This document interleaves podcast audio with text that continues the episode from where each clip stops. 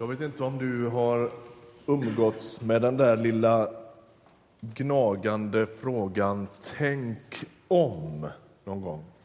Tänk om jag inte hade mött min livskamrat. Eller tänk om jag inte hade lytt det där rådet att gå den där utbildningen. Eller tänk i det där skarpa läget när någon liten på ett barnkalas satte godisen i halsen. Tänk om vi inte hade fått ut den där. Alltså de där om, liksom, omständigheterna och eh, vägkorsningarna där livet skulle kunna tagit en helt annan vändning. Det där är en ganska vanlig tematik i konst och film och litteratur och så. Jag läste en bok, det fanns en film också som hette samma sak för många år sedan som hette Faderland som handlade om vad hade hänt om Hitler hade eh, bevarat makten och skapat sitt eh, välde av terror över hela Europa och överlevt liksom, som politiker och så. Obeha superobehaglig historia.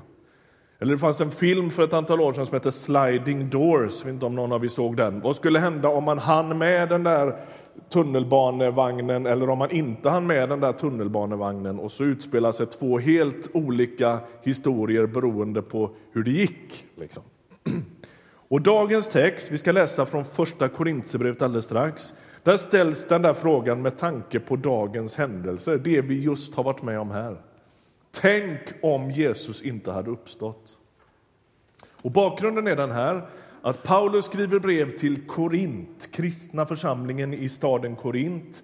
Och så är hans poäng genom hela det långa kapitel 15 att uppståndelsen verkligen har ägt rum. Den är en fysisk, historisk och faktisk händelse.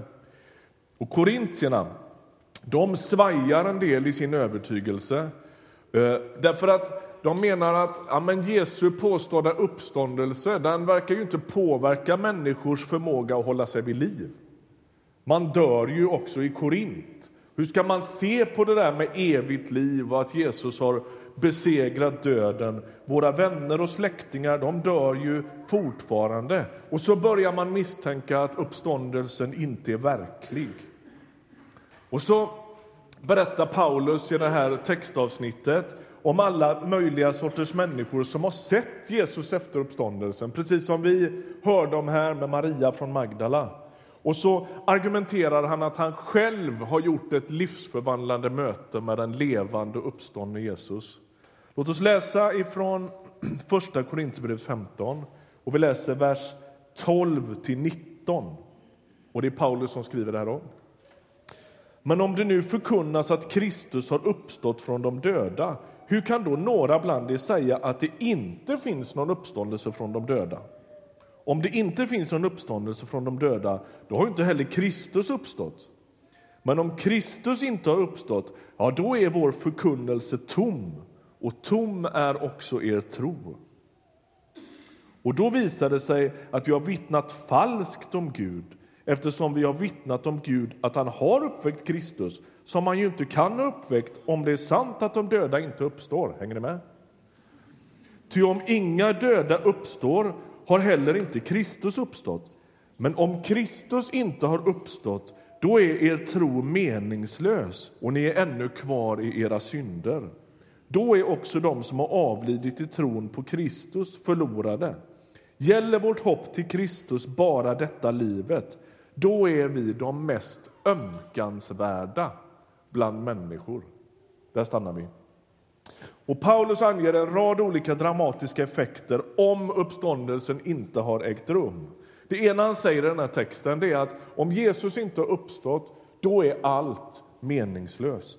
Då är tron helt meningslös. Och för oss i vår ganska så här, Ja, men vi lever ju i en tid och i en kultur där vi tänker oss att, att ja, men är det sant för dig så är det väl meningsfullt. Nej, menar Paulus, om det inte har hänt fysiskt, faktiskt, historiskt då, har det, då, då finns det ingen kristen tro. Då kan vi sluta be för världen om Jesus är död. Då kan vi sluta sjunga då kan vi göra om det här till något mycket, mycket effektivare än att ha som en gudstjänstlokal. Då kan vi göra volleybollhall av det här. Är ni med? Antingen har det hänt eller också har det inte hänt. Och Jesus, om Jesus har uppstått, då är allt meningsfullt. Men har han inte uppstått, då är tron fullständigt meningslös. Vi läser från Efesiebrevet också. Det är Paulus igen. Han är ju Nya testamentets flitigaste författare. Och där står det så här, vers 11, kapitel 2, vers 11 till 13. Kom därför ihåg att ni som av födseln var hedningar, det betyder alltså att man är icke-jude, och kallades oomskurna av dem som kallas omskurna med den omskärelse som utförs på kroppen av människohand. Kom ihåg att ni på den tiden var utan Kristus, utanför medborgarskapet i Israel, utan del i förbunden och deras löfte, utan hopp och utan Gud där ni levde i världen. Men nu, tack vare Kristus Jesus, har ni som en gång var långt borta kommit nära genom Kristi blod, säger han. Det är väldigt många utan i den här texten. Man är utan medborgarskap, utan del i förbunden och löftet, utan hopp, utan Gud.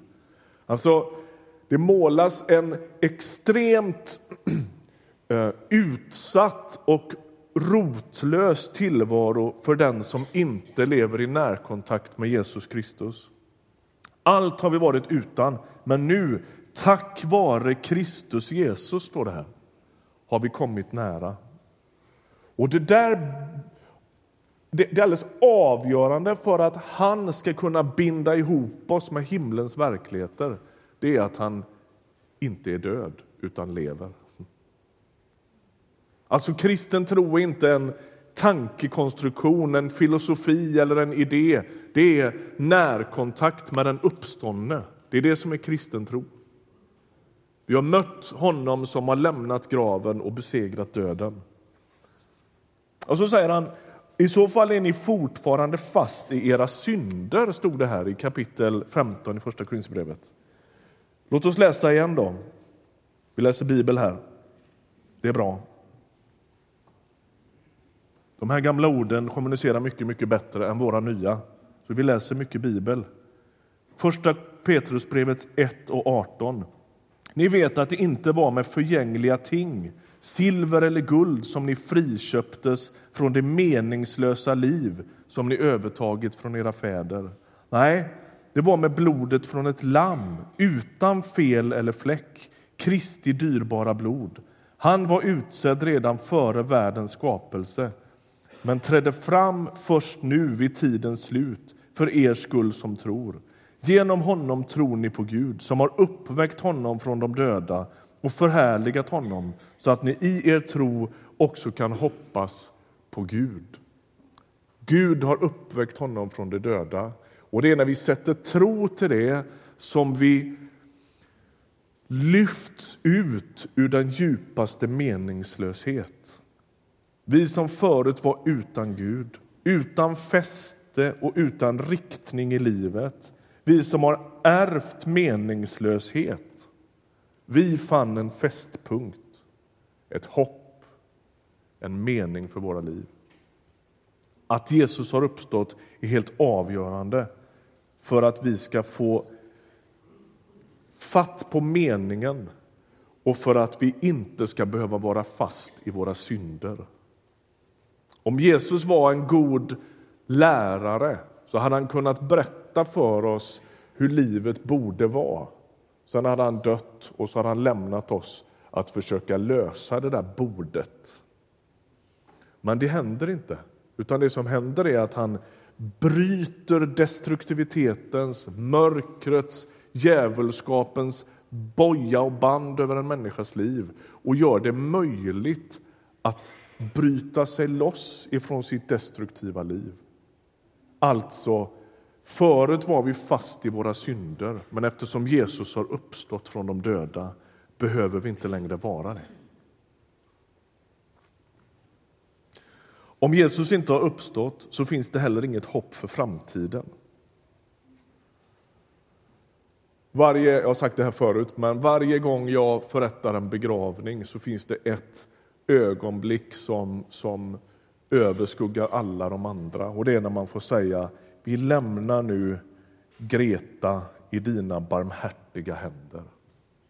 Jag tycker det är så fantastiskt att få göra det.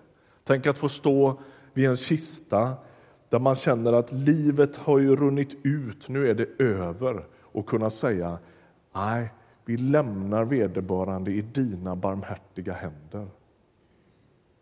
Det hade inte varit möjligt om inte Jesus hade uppstått. Det avgör allt. Vi hade inte kunnat hoppas på en himmel om inte Jesus hade uppstått från graven. Är ni med på det? Alltså, vi, vi tar ju det för självklart. Ja, men det är klart, vi tror på ett liv efter döden och, och att himlen är verklig. Himlen är bara verklig för oss därför att Jesus har lämnat graven. Om Jesus inte hade lämnat graven hade himlen varit stängd för oss.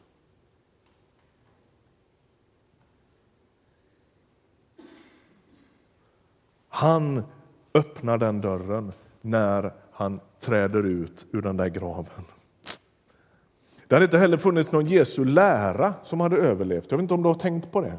Om Jesu, alltså, Jesus undervisar ju fantastiska saker, inte minst i bergspredikan som ju är hans stora etiska um, arv på något sätt. Va? Det är där vi läser om den kristna etiken, om att vända andra kinden till, att inte bruka våld, att leva i förlåtelse, att inte kasta första stenen, det står på annat ställe. Men ni fattar va? Alla, alla de här sakerna som är självklara för oss, de är svåra att leva efter, de är inte självklara på det sättet, men de finns som en självklar del i hela vår världsuppfattning. De hade inte överlevt om inte Jesus hade uppstått från de döda. Jag upp, vi kan ta nästa bild. Tre stycken personer som har präglats av Jesu lära. Moder Teresa hade inte gjort det hon gjorde om inte Jesus hade uppstått från de döda. Martin Luther King, som precis i dagarna nu, om ett par tre dagar så är det 50 år sedan Martin Luther King sköts ihjäl. Djupt präglad av bergspredikan. Det är därför de inte tar till våld medborgarrättsrörelsen under Martin Luther Kings ledning. Det är ju för att han är en, en djupt övertygad Jesus efterföljare som säger nej, vi går Jesu väg. Vi slår inte tillbaka. Gandhi tog jag med här som en liten bubblare. En del av er tänker, men ska han verkligen vara med? Han är ju ingen kristen. Nej, men Gandhi var djupt präglad av Jesu bergspredikan. Han sa en gång i like your Christ. Jag tycker om er Kristus, men jag gillar inte er kristna. För ni kristna är så olika er Kristus, säger han. Han var djupt fascinerad av Jesus. Han, han, också han präglades av icke-våldsläran eh, i Jesu undervisning och slog inte tillbaks. Jesu lära hade inte funnits om inte Jesus, Jesus hade uppstått från de döda. Den hade fallit i glömska. Han hade blivit en parentes i, i historien. Det hade inte funnits någon kristen kyrka. Om Jesus inte hade uppstått från de döda så hade det inte funnits någon kyrka i hörnet Djurgårdsgatan, Garnisonsvägen. Inga andra kyrkor heller, kan jag avslöja. Eh, det hade inte firats någon gudstjänst här. Vi hade inte sänt några ungdomar på påskresor. Vi hade inte haft några eh, barn på löfteslandet eller på scouterna. Vi hade inte sänt några missionärer till Mellanöstern för att grunda församlingar. Vi hade inte arbetat för att förhindra människohandel i Asien eller för att utmana fattigdomsklyftorna i Afrika. Inget av det hade hänt om inte Jesus hade uppstått. Är ni med? Hänger, ni, ni fattar vart jag är på väg. Ni, det är tydligt. Ja, bra. Eh, det hade inte heller funnits någon kristen konst. Bach hade sannolikt inte skrivit och komponerat det han komponerade. Han kallas ju ibland för den femte evangelisten. Han spelar om Jesus. Han komponerar om Jesus. Michelangelo hade inte för, liksom, målat allt det han målade. Han hade inte hängt där uppe i någon eh, svajig ställning i Sixtinska kapellet och målat liksom, allt det där om inte Jesus hade uppstått. Da Vinci hade inte målat nattvarden om inte Jesus hade uppstått. Det hade varit en icke-händelse, nattvardsfirandet i övre salen, om inte Jesus hade uppstått.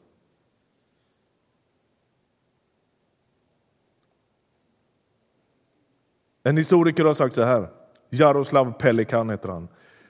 Det var inte bara för att hylla en stor lärare, inte ens den största läraren någonsin som Justinianus byggde Hagia Sofia i Konstantinopel eller som Johann Sebastian Bach komponerade H-mollmässan.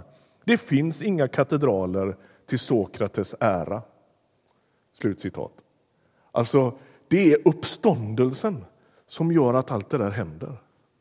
Inga filosofer och lärare och idégubbar i historien eller gummor skulle min, bli, bli på, liksom, skulle vi fira eller minnas på det sättet som vi gör med Jesus. Vad skulle Maria från Magdala göra? Vi mötte ju henne innan här. Vad skulle hon göra om Jesus inte hade lämnat graven? Vet du, hon skulle ohjälpligt dragits tillbaka till mörkret. Till demonerna, till skulden, till skammen, till sin gamla identitet. Ponera att Maria efter mötet med Jesus, vandringen med Jesus, undret i sitt eget liv skulle ha försökt odla minnet av Jesus i den där graven. Hon skulle ohjälpligt dragits tillbaka till mörkret. Det är, det är livets seger, det är Jesu uppståndelse som gör att Maria kan fortsätta leva i sin nya identitet.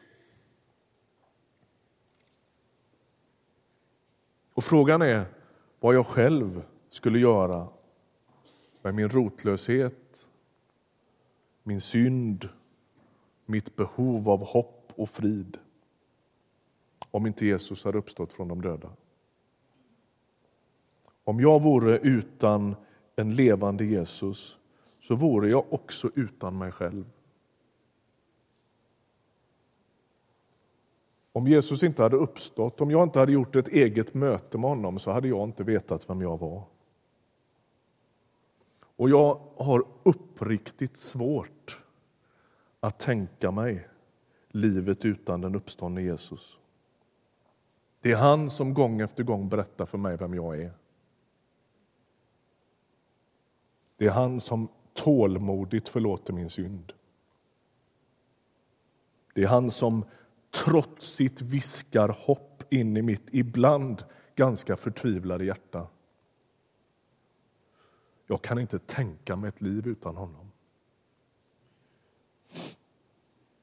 Jag vet helt enkelt inte vem jag skulle vara om inte Jesus hade uppstått.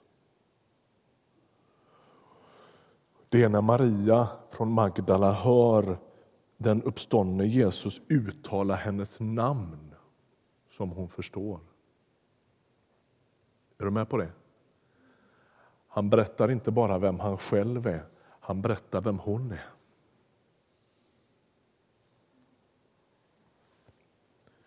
Nej, vet ni, allt kokar ner, allt avgörs av en tidig morgon i Jerusalems utkanter.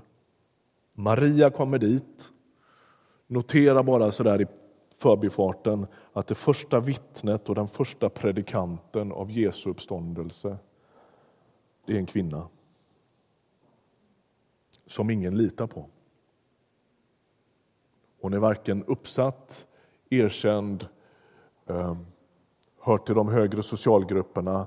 Hon är en gammal demon eller en före detta demonbesatt synderska som Jesus har satt fri. Det är hon som är världshistoriens första predikant. Och så möter hon en bortrullad sten. Och när den där stenen flyttas på av ängeln så är det som att det går en skälvning genom hela mänsklighetens historia, både bakåt och framåt. Både i dåtid, i nutid och i framtid. Allt är på djupet förändrat därför att graven är tom.